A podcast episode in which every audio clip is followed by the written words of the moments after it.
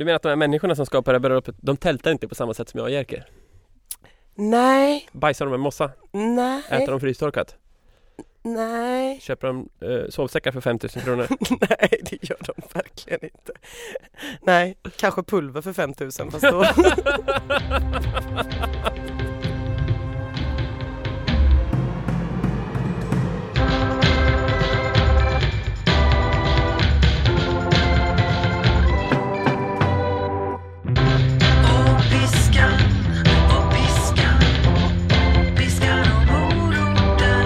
Hej och välkomna till Piskan och moroten Idag kan det vara det 16 avsnittet, kan vara något helt annat för jag har tappat räkningen Det går så fort när man har roligt eh, med Sveriges bästa podcast Eh, Med mig Magnus Karlsson och med dig Ina Lundström Ja, med mig ja. Hej! Hej, hej, hej. Du, idag Då var du sent till pod- podden Det brukar vara tvärtom Ja, jag är en... Eh, jag, är, jag kommer i tid Ja, du är saker. no- notorisk tidsfascist. Ja, det är jag verkligen. Ja. Mm. Ja. Men något hände idag eller? Eh, ja, nej men jag, precis när jag skulle gå utanför dörren så Mm. såg jag eh, att någon hade postat ett klipp Mhm. från Hemnet, en eh, slags dokumentärserie. Hemnet, Som, alltså eh, de som säljer bostadsrätter Precis, och villor? Ja. ja, en liten dokumentärserie som eh, handlade om folk som ville köpa, sälja bostad, lite sådär. Åh, Eh, och i det här klippet, eh, ett utav klippen och det jag såg eh, var det två stycken typ 22-åringar mm. som kanske hette typ Girf och Silversporre i efternamn som snackade om sin bostadskarriär som de ville göra. Där de skulle gå från en etta på Kungsholmen och någon gång i framtiden så skulle de flytta in i villan i Bromma. Oh, med Henrik Schyffert, Ja, Fredrik Wikingsson det är mycket möjligt. Jag har ingen aning. Det var ett helt sjukt klipp i alla fall. Jag rekommenderar verkligen ingen att se det om man inte är helt lugn med att samtiden är en enda stor eh, sketch. Då, då kan man se det. Men vill man tro på det här samhället och tro att det finns någonting gott här så Mm. titta inte. Nej okej. Mm. Hur ser din bostadskarriär ut?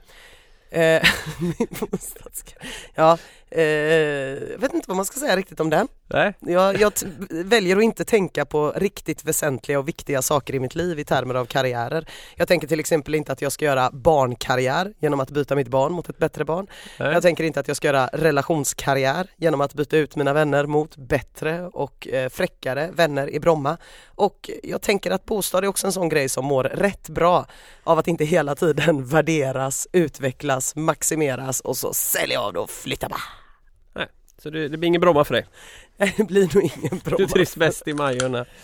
Jag noterar också eh, på Instagram att det var någon som var ute typ 03.30 i morse och sprang eh, för att hinna se alla de här viktiga klippen om bostadskarriär innan det var dags för att jobba. Och det var du Ina! Det var jag, Ja. det var jag Magnus. Det betyder att du åtminstone har tränat en gång den här veckan, tänker jag. Precis. Hur har det gått med förra veckans utmaning? Precis, jag hade tre pass jag skulle göra. Ja. Eh, två gånger fyra kilometer med styrkeövningar. Ja. Eh, och det är ju de klassiska. Det Mm. är ju höftlyft, Mm. det är ju eh, squats Mm. och det är ju utfallssteg.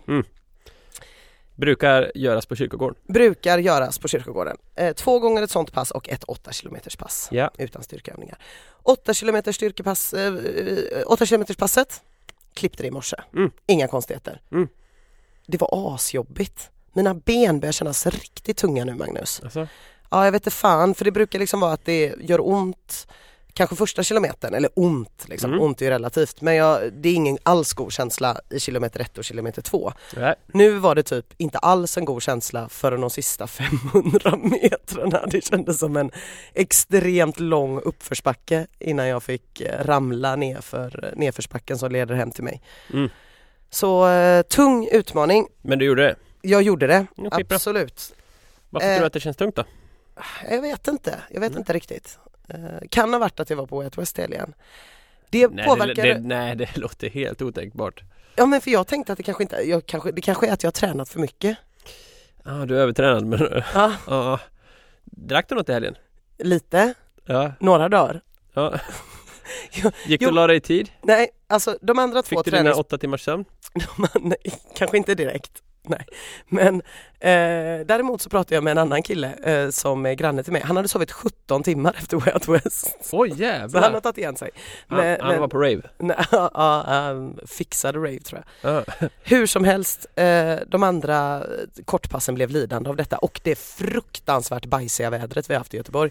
Alltså båda gångerna jag skulle ut för att springa mina fyra kilometers runder, båda de månaderna vaknade jag av att det regnade så mycket. Alltså jag vaknade av att det var typ skottlossning utanför. Jag bara what? Vad händer? Och? Och det, alltså, det blir... Däremot, det, däremot Magnus, så skulle jag faktiskt vilja hävda att fyra kilometers löpning Ja. bara genom att försöka springa in i vippen varje gång det ösregnar på Out West, det är fyra kilometers löpning. Jag skulle vilja hävda att 30 squats Ja varje gång man går in på en bajamaja som liksom har bajs på ringen och måste så här ställa sig och försöka kissa i ett statisk skottposition och inte nudda väggarna. Jag har säkert gjort 30 gånger. Eh, höftlyft. Jag har säkert minst 30 gånger försökt demonstrera med min kropp för folk hur Grace Jones stod när hon helt naken i sitt andra nummer satte ena benet jättehögt eh, ovanför huvudet samtidigt som hon svingade kroppen varpå jag märkte att hon hade en löspenis. Eh, där. Det har jag säkert visat minst 30 personer för ingen annan såg den spelningen förutom jag för det regnade så jävla mycket. Och utfallsstegen. Att försöka undvika lerpölarna. Ja. De kliven jag har tagit och den kraften jag använt för att lyfta upp mig själv ur gyttjan när jag har försökt gå till och från öltältet. Ja, det är minst 30 steg. Så ett pass eh, har jag gjort utav de två korta passen, kort och gott, och ett har jag missat. Ja, bara en liten invändning här och det är ju piskan och morotens grundregel då eh, som vi bara måste kontrollera, checka av här att du följde och då är det, hade du träningskläder på dig där inne? Eh, räkna solglasögon. Det regnar ju!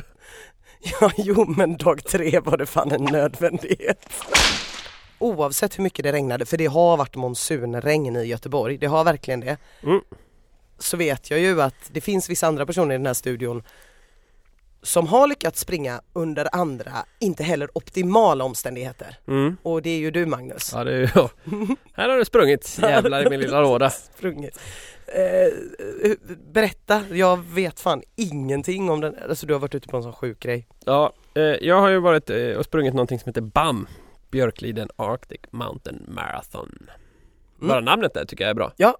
Det känns riktigt coolt att säga Mm. det eh, Så eh, Det är alltså en fjällorienteringstävling.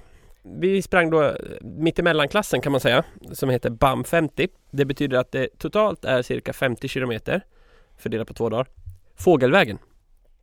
Och eh, fågelvägen är svårt att springa. Ja det går ju inte. Vi har sprungit lite längre kan man säga. Ja just det. Um, GPSen gav upp någonstans mitt i Vi har nog sprungit mellan 30 och 35 kilometer per dag Okej. Tror vi Mm. Ehm, Det som är spännande på en sån här tävling det är att det finns liksom ingen färdig bana så utan du ska ta 10 punkter Du tar vilken väg du vill till dem Ja just det. Uh, vilket ställer lite krav på att man hittar det ute i fjället. Eh, men ehm, vi ställde oss på startlinjen. Drog igång. Det första som hände är att man ska upp för ett 400 meter högt berg. Ehm, det, vi har inga så höga berg i Göteborg. Nej. Det var ett litet berg där uppe. Mm. Så. Ehm, och sen var liksom dagen igång. Ja. Eh, och då var det bara att försöka orientera efter bästa förmåga. Gick oftast ganska bra för att man såg andra ute på fjället och det var bra sikt och sånt ett tag. Mm. Sen plötsligt så skulle vi till någon liten kontroll mellan två sjöar uppe på någon höjd. När vi kommer upp där då är det total dimma Mm. och vi bara börjar gå runt och leta efter den här kontrollen. Och eh, den finns liksom inte där. Nej. Och då blev det lite läskigt för att när man står still där och det är kallt och dimma, det är nästan nollgradigt då kanske. Regn, Mm. liksom så här. Då är det ganska läskigt. Ja men jag tror fan det är för att kontrollen visar ju ändå att du är på väg åt rätt håll. Det måste ju vara skitjobbigt. Och det allra jobbigaste är när man eh, inser att nu har vi gått i cirklar ett tag här. Det där har man ju sett på film. Inget bra. Mm. Men till slut så kom vi vidare och vi tog dem till topp. Och ehm, så småningom började vi inse att snart kommer målet. Ehm, och målet nådde vi efter nio timmar. Strax över nio timmar. Eh, och då har vi alltså Hållit på hela jävla dagen med ryggsäckar där man då har tält och sovsäck Ja. och liggunderlag och Ja. mat för att man måste ha med sig allting själv på det Ja stället. Det. Är liksom ingen service så Nej. utan till slut kommer man fram till ett läger där man får slå upp sitt tält och Mm. föda sig själv. Ja. Och mm, man kan tänka så här att det där med dimma det, det var jobbigt och så vidare. Det var inte det som var jobbigast ändå. Nej. Nej, jag, eh, jag har i vanliga fall en riktig sån här stålmage när det kommer till löpning. Mm. Har du det? Ja, oftast. Okej okej. Ja, Mm, ja mm. du menar att man har hört lite om buffar i den här podden och sådär. Ja, jo, det händer väl ibland att när det är varmt ute så Ja. får jag stanna. Men du brukar ha en mage som går att springa med? Ja, jämfört med andra så brukar Mm. de faktiskt eh, stå sig rätt bra. Den här dagen var helt fruktansvärd. Vadå? Nej. Var du tvungen att bajsa på ett fjäll? Ja, nio gånger! Nej. jo. Men vad hade du gjort för fel Magnus? Här har jag ett råd att dela ut. Eller jag har två råd att dela ut egentligen. Det ena Det är att eh, lev som ni lär ungdomar. För, eh, för här kommer då råd två. Alltså jag har skrivit så många artiklar och så vidare eh, om hur man laddar för lopp. Och jag vet inte hur många gånger jag har gett rådet eh, Ät som vanligt dagen innan loppet. Mm, mm. Mm. Ät inte för mycket. Nej nej nej, Eh, ät inte för mycket. Försök inte ladda extra. Nej, inte kolhydratladdning. Det är bara liksom katastrof har vi hört. Ja. Bajskatastrof. Ja, bajskatastrof. Eh, Då kan man undra hur den här dagen såg ut för mig. Mm. Ja, planet gick eh, klockan sex på morgonen tror jag. Eh, då åt jag en frukost innan jag åkte. Eh, sen så kom jag ut till flygplatsen och eh, jag råkar ha ett sånt här Eurobonus silverkort vilket gör att man får glida in i VIP lounge. Mm. Extra frukost där. Ja ja ja. Sen åker vi upp, när vi väl kommer till Kiruna då går vi och äter den första lunchen. En kalopsbuffé. Okej. Åker vidare till Björkliden. Ja. Eh, där kommer Jerker på en briljant idé att ah, vi tar en hamburgertallrik i receptionen. Den andra lunchen. Ja. Dubbelfrukost, dubbellunch. Ja, Det låter inte som vanligt. nej. Och eh, sen så är det då pasta party på kvällen. Ah. Lasagne och pastagratänger och sånt. Mm. Man var fulltankad kan man säga. Ja, det låter så. Eh, frukost morgonen efter och så tog jag med någon extra macka där som jag kunde ta på vägen till starten. Mm. Kändes inte så mycket då. Nej. Efter två timmar när eh, hela eh, innan kromet öppnade sig så insåg jag att det var väldigt mycket kan man säga. Och då var det bara dagens första. Mm. Mm.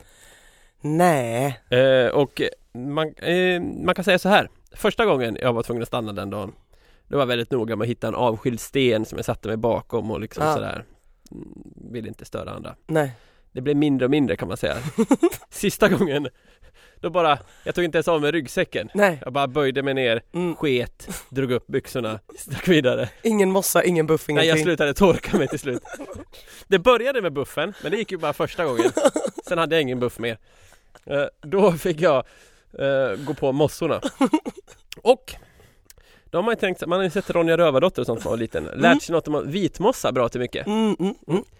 Den skaver ganska mycket Rekommenderas inte Nej. Däremot på slutet När det regnade lite Då den här ljusgröna fina mossan, när den var våt Det blir som en stor våtservett Det är som en lambi med Ja. rosor på. Men problemet är också att det är så stenig natur där uppe så att det är så tunn mossa liksom Mm. Att det, det blir liksom inget eh, Risken för bajs på handen är stor. Ja men framförallt får du lika mycket jord som mossa i röven Mm. och små kryp och sånt där Det var rätt vidrigt Men då berättar Jerker att eh, hans bästa tips är att använda bäckarna som en bidé Okej. Så det bästa Jerker vet det är att sitta och bajsa bredvid en liten eh, fjällbäck Sen sätter han sig på huk i floden och liksom baddar upp i stjärten så här så att det skvätter bort allt Åh gud, gud.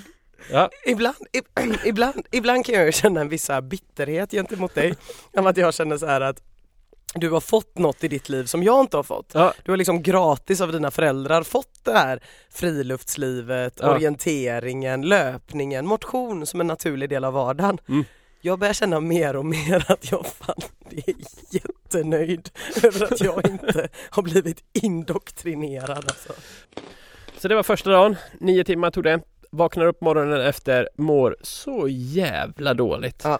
Eh, Helt fruktansvärt Jag har ont i huvudet, jag mår illa, helt kraftlös Ah, Ont i kroppen, ont precis överallt Jag är inte den som ger upp i första taget nej, Men jag kände verkligen så här, jag kommer inte klara det här nej. För andra dagen skulle vi upp på en topp som är 1400 meter Ah, Och vi skulle ta nästan 2000 höjdmeter varje dag. Mm. Det är som att gå upp på Kebnekaise ungefär, Ja just det. Sveriges högsta berg.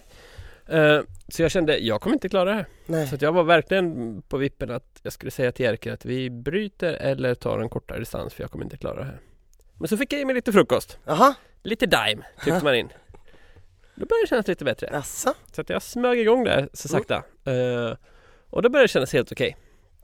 Och sen knatade vi på och knatade på och snart var vi halvvägs. Mm. Och då kom ju den stora utmaningen den här helgen. Uh, Loktatjokka. Berget vi skulle upp på det var en stor brun fläck. För det var så många höjdkurvor. Det var alltså Ah. jävligt brant. Okej. Och på ett ställe var det riktigt jävla skitbrant på ren svenska. Mm. Och eh, här var liksom tävlingen ganska samlad för det gick så långsamt där så det var som ett led av människor som ville ta samma brant samtidigt. Och då är det så brant så att trillar man där då dör man med största sannolikhet. Ja, Okej. Eh, och tjejen framför oss, hon börjar hyperventilera. Mm. Hon fruktar för sitt liv där. Ja. Men det löser Jerker. Han knuffar på henne uppåt, uppåt, uppåt. Och till slut kommer vi upp. Men jag kände sådär Wow! Där någonstans kan man ju fundera Är det här en bra idé? Ja. När börjar Grace Jones? Ja precis, precis.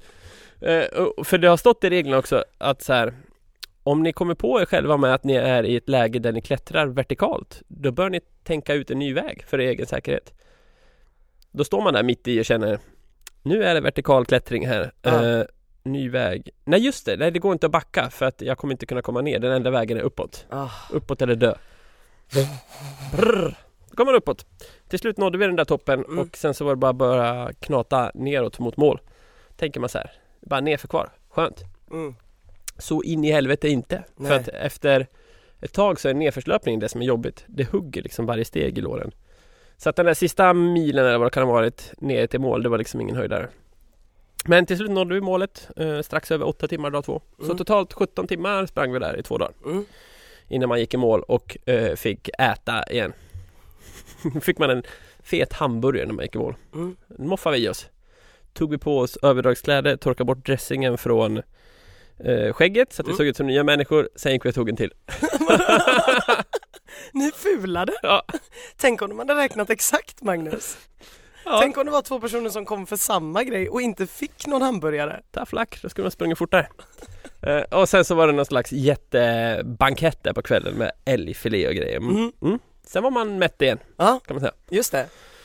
Eh, och eh, sen dess har det varit svårt att gå. Ja, jag såg det. Du stapplade betänkligt här. Ja, eh, ja, jag har väldigt mycket träningsverk. Men nu börjar det ordna upp sig. Men det är ju intressant det här med träningsverk därför att eh, det går ändå att jobba bort den lite brukar jag uppleva. Och- Alltså det går att göra något för att inte få... Ja, eh, och vissa säger att man ska ha kompression och sådana saker. Det har inte jag märkt någon jätteskillnad av. Däremot tycker jag att det är alltid bra att röra sig lite även om man har väldigt ont. Okej. Så igår så promenerade jag en bit för att liksom få bort det värsta och i, ikväll så tänkte jag köra typ motionscykel sådär 30 minuter kanske. Mm.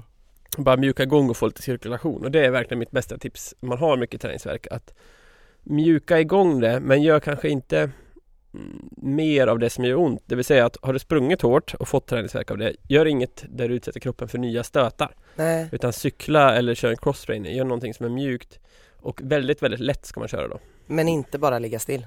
Nej, inte bara ligga still, det brukar inte göra saken bättre. Okej. Även om det är Game of Thrones och liknande på TV. OS är ju annars klassiskt force man gör läge nu.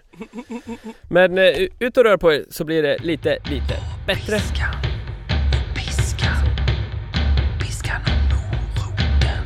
Okej, när vi snackade här förra veckan så berättade ju du om eh, alla olika matupplevelser eh, du skulle ha där på fjället. Bland Mm. annat upplyste du mig och säkert många av våra lyssnare om att det finns frystorkad risifrutti Ja, mer eller mindre. för den äkta eh, fjällmänniskan. Mm. Och eh, så hur smakade den? Vad blev det? Jag ville ju att du skulle berätta för mig vad var bäst och vad var sämst att ha med sig på det här fjället i matväg. Eh, ja. Fan vet om inte risifruttin var bäst ändå, för den har ganska god smak. Konsistensen var rent vidrig, Mm. men smaken är ganska god. Den är väldigt len och den liksom bara går rätt in så att säga. Ja, okej. Eh, den där äppelkanelgröten växte ganska mycket. Mm. Uh, köttfärssåsen smakar liksom typ som dålig minestronesoppa. Ja, just det. Den är inte god liksom. Nej. Eh, och den här tikka masalan var väl den som kanske var sämst ändå. Alltså, Ja, För du vet när jag gör min tikka masala, då Ja. tycker jag att det är så Gör himla du tikka viktigt masala att själv? det är väldigt viktigt, absolut, och det är väldigt viktigt att börja med G. Alltså sån här klarifierat smör. Ja. För det lyfter fram smakerna Ja. mycket mer än vanlig olja. Så så jobbar jag alltid och sen så köper jag aldrig färdiga kryddpastor eller curryblandningar utan jag liksom rostar alla kryddor separat som jag har hela. För kryddor är ju som kaffe du vet. De förlorar sin arom när man har malt dem. Så att jag rostar alla kryddor hela och då brukar jag ju ha lite bockhornsklöver, lite sådana här saker man får köpa på den indiska affären. Eh, så maler jag det i min mortel och sen kör jag med G eller klarifierat smör eh, och sen så väldigt finhackad lök som ska bli så här riktigt, riktigt brun liksom. Men klarifierat smör, är det när man har bort det här salta vita grejen eller det? Precis, Ja, ja. precis så den tål högre temperaturer. Eh, och jag bara tänkte, du vet, var det liksom, Där var vi inte. Nej. Ja, jag har ju varit i eh, byråkratins mecka i de överdrivna reglernas hemland. Förvaltningsdomstolen. Ja, eller som vissa kallar det, Way Out West. Aha. Eh, den festivalen i världen med kanske flest eh, regler som känns fullständigt meningslösa. Ja, vad har de för regler? Ja, nej men det är ju till exempel så ju, finns det ju en regel som är att det inte är någon mjölk i kaffet. Helt godtyckligen, utan havremjölk i kaffet istället. Mm. Eh, samtidigt som de ju serverar ost och så, så att, ja, skitsamma. Eh, det är en regel. Eh, In- en inte annan, havreost, en annan regel är att man inte kan stå och titta på en konsert och dricka öl samtidigt. Så gott ska man inte ha det, utan man Nej. får stå i en eh, ölhage och dricka sin öl. Och på väg in i ölhagen så är det någon slags myndighetsperson som synar den upp och ner och på väg ut ur ölhagen så är det någon slags myndighetsperson som synar den upp och ner. Och på väg in i festivalen är det en myndighets och på väg ut ur myndighet. Alltså man blir kontrollerad så jävla många gånger och Mm. utsatt för så himla många olika löjliga regler. Jag är inte jättevan på att gå på festival i Sverige överlag. Jag har mest varit på Roskilde Mm. när jag var i den åldern. Mm. Eh, så jag blev ändå lite så här chockad av hur många kontroller det är Mm. och hur mycket sjuka regler Mm. det är. Och det enda jag kan liksom jämföra det med är att flyga. Mm. För när Mm. man flyger blir man också så här kontrollerad så löjligt många gånger och det finns Mm. liksom inget utrymme för rimlighet Nej. i de kontrollerna. Sist när jag flög så hade jag med mig, jag hade givetvis kollat upp att det är max 100 milliliter Mm. man får ha i sin Mm. tub liksom. Mm. Så jag hade en tandkrämstub på exakt 100 milliliter. Och så kommer jag fram och så ska jag liksom gå igenom och jag har lagt allting för jag är en jävla plugghäst i en sån här återförslutningsbar Mm, påse redan hemma så jag vet att jag är safe. Och sen så här titta på tandkrämstuben och bara Det är max 100 milliliter, det vet du va? Och jag bara Ja ja, men den är 100 milliliter.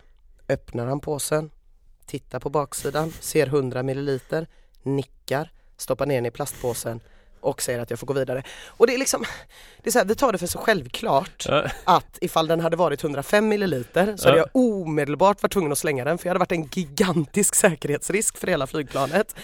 Så att det är liksom bara saker vi accepterar men grejen är att vi påverkas av att bli utsatta för en jävla massa idiotiska regler. Mm. Hela upplägget från det att man kommer och sen så har de liksom infört den här nya helt idiotiska regeln att folk ska gå på planet i olika ordningar. Bara för att man ska bli utsatt för ännu en regel och ännu en person som bestämmer över den och ännu ett tillfälle att känna sig maktlös. Mm. För att det är så här, liksom, det finns ju ingen anledning att gå på planet innan alla andra. Nej. Det är ju bara, ja skitsamma, det vet ju alla, det är ju bara någon så här konstig grej men det är inte heller så konstigt för att när man har blivit utsatt för så många regler då börjar man bara vilja bestämma. Då, Ja. då vill man bara utöva makt någonstans för man känner sig helt jävla maktlös och det är det som händer på flyg. En person som har genomgått 17 olika kontroller och blivit tillsagd 22 olika direktiv inom loppet av 20 minuter är inte sympatisk. Den personen kommer att fälla ner sin stol rätt ner i min frukostbricka bara för att känna Jag här, kan. jag kan liksom. Och exakt samma sak är det ju på Way Out West. Det uppstår sådana här helt sjuka situationer. Jag var med om vid ett tillfälle att det var en tjej som liksom knuff, jag var på väg att slänga en ölflaska i en papperskorg och blev lite lätt knuffad av en 19-åring som skulle slänga flaskan först. Oh. Du vet, eller när man står i sån här, det är liksom typ 100 bajamajor som Ja. står i en halvcirkel och man står i en sån kö. Det tar liksom, från det att man är i slutet av kön till dess att man är inne på sån här vidrig bajamaja, det tar liksom mellan en och två minuter. Eh, och, och, och folk vill ändå gå före. Mm. Bara en. Bara få gå före en person. Bara få känna lite, lite grann att de har något slags utrymme att navigera på. Det är inte så sympatiskt. Inte så värst. Eh, men ja, jag vet inte, alltså Sverige är ett jävla dåligt land på många sätt. Alltså. Absolut. Det, det är, åh, vi är såna töntar. Vi är såna töntar tycker jag. Det, det är alltid så här att man vill, när man är på festival så vill man ju liksom alltid se det ingen annan har sett. Mm. Man vill liksom vara underground i det undergrounda. Vilket gör att de typ så här lägger en spelning klockan 03.45 på Mm. hissingen för att så jävla få människor som möjligt ska kunna se den för att de som ser den ska kunna skriva årets spelning, inget snack om den saken. I år tog de det till helt nya nivåer. Vid något tillfälle så spelade någon som har varit med i Bad Cash Quartet innan en spelning för tio personer i en ubåt. det bara, och det var, det var årets spelning, tro mig. Är det här ja, sant? ja, ja, ja, ja. De Var var där, ubåten under vatten? det, ja, ja, ja. Åh jävlar! Och jag menar de som var där, de bara, ni som inte är här, ni kan inte fatta. Årets spelning, årets jävla gig alltså. Och, och det är ju det här med liksom Sveriges, eller svenskarnas coolhetskomplex. Det som jag har så coola bandet Bad Cash Quartet. Jag vet, jag vet, jag vet. Och det sitter liksom nio stockholmare i en ubåt i Göteborg och känner sig så jävla fräcka. Och då vill jag bara bjuda dem på ett Och dricker havremjölk. Precis, på ett pyttelitet perspektiv. En Ja. liten perspektivförskjutning, någonting de kan sitta och fundera på nu när de sitter och slickar i sig likes på sina Instagram-grejer.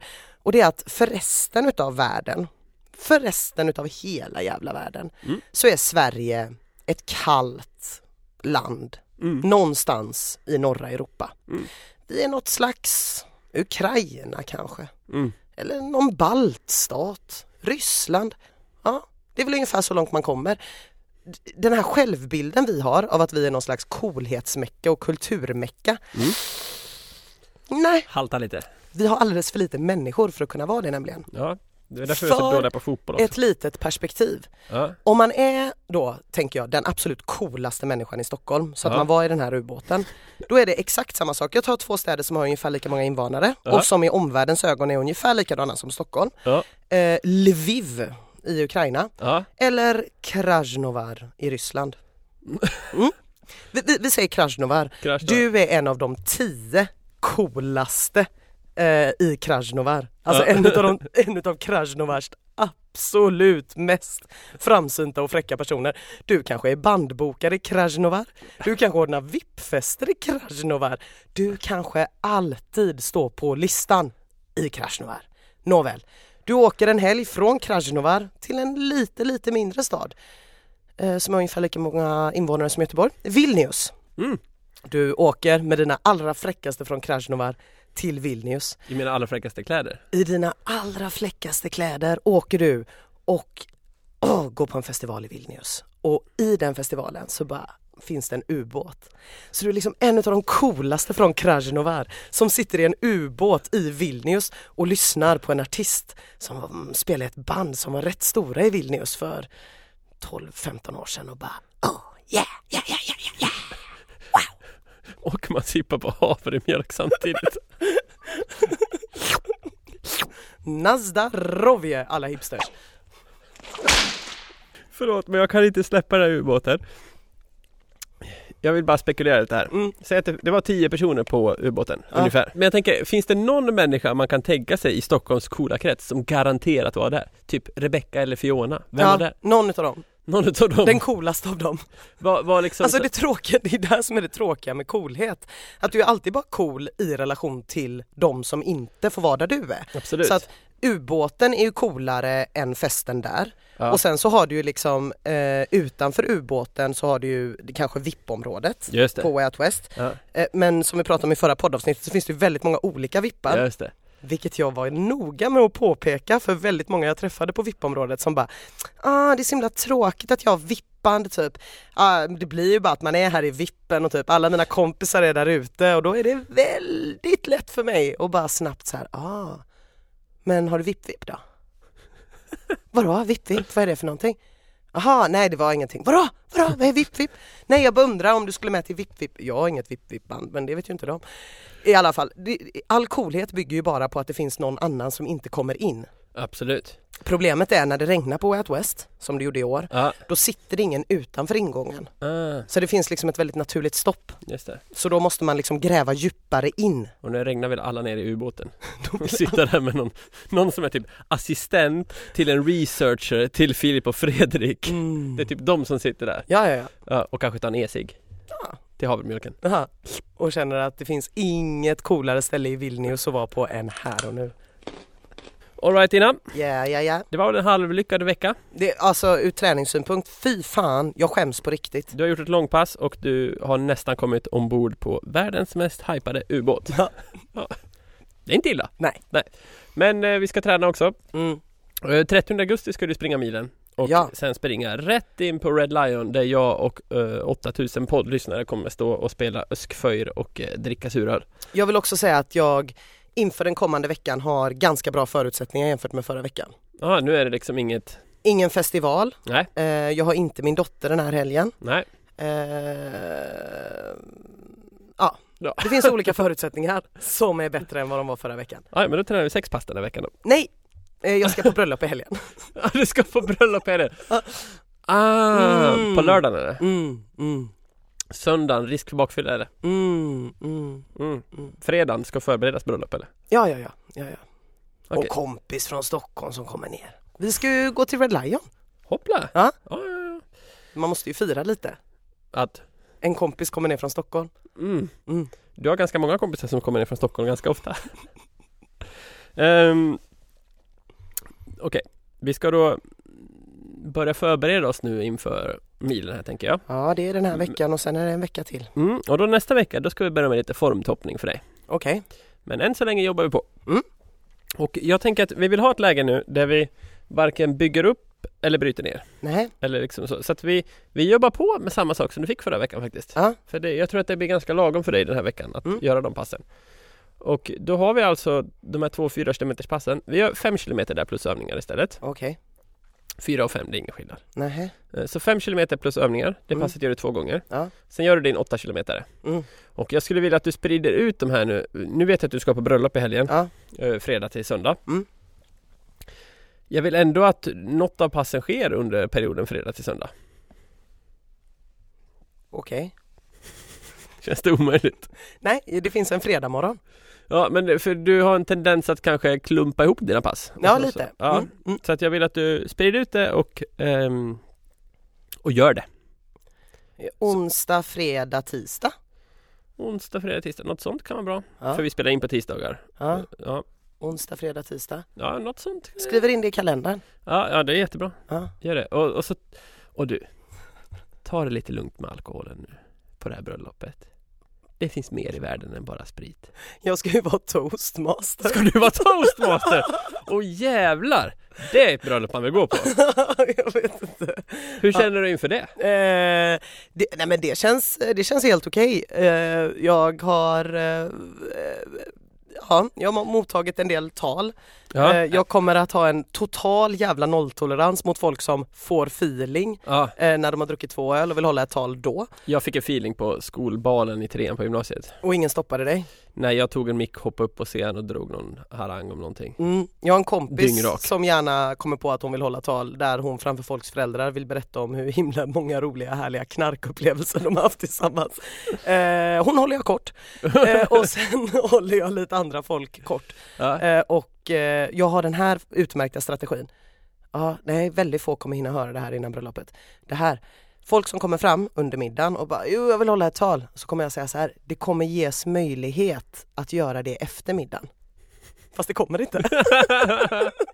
Svinbra. Mm. Men eh, är du nervös? No. Jag tycker det verkar lite läskigt att vara toastmaster men otroligt roligt. Ja men jag tror det blir bra. Framförallt så kommer det ju leda till att jag inte kan liksom kliva på mitt stora öltåg Nej. förrän lite senare på kvällen. Vilket jag egentligen, det brukar inte vara bra för mig att börja dricka sent. Nej. Det gör ju att jag slutar, jag har ju ett visst antal Man kan ju timmar. inte smygsupa lite under din... Jo, jo, lite grann. jag Men jag har att ett visst antal timmar i mig från dess att jag släpper hämningarna tills dess Mm. att jag går och lägger mig. Mm. Eh, ja, jag kommer vara uppe sent på lördag. Mm, jag förstår.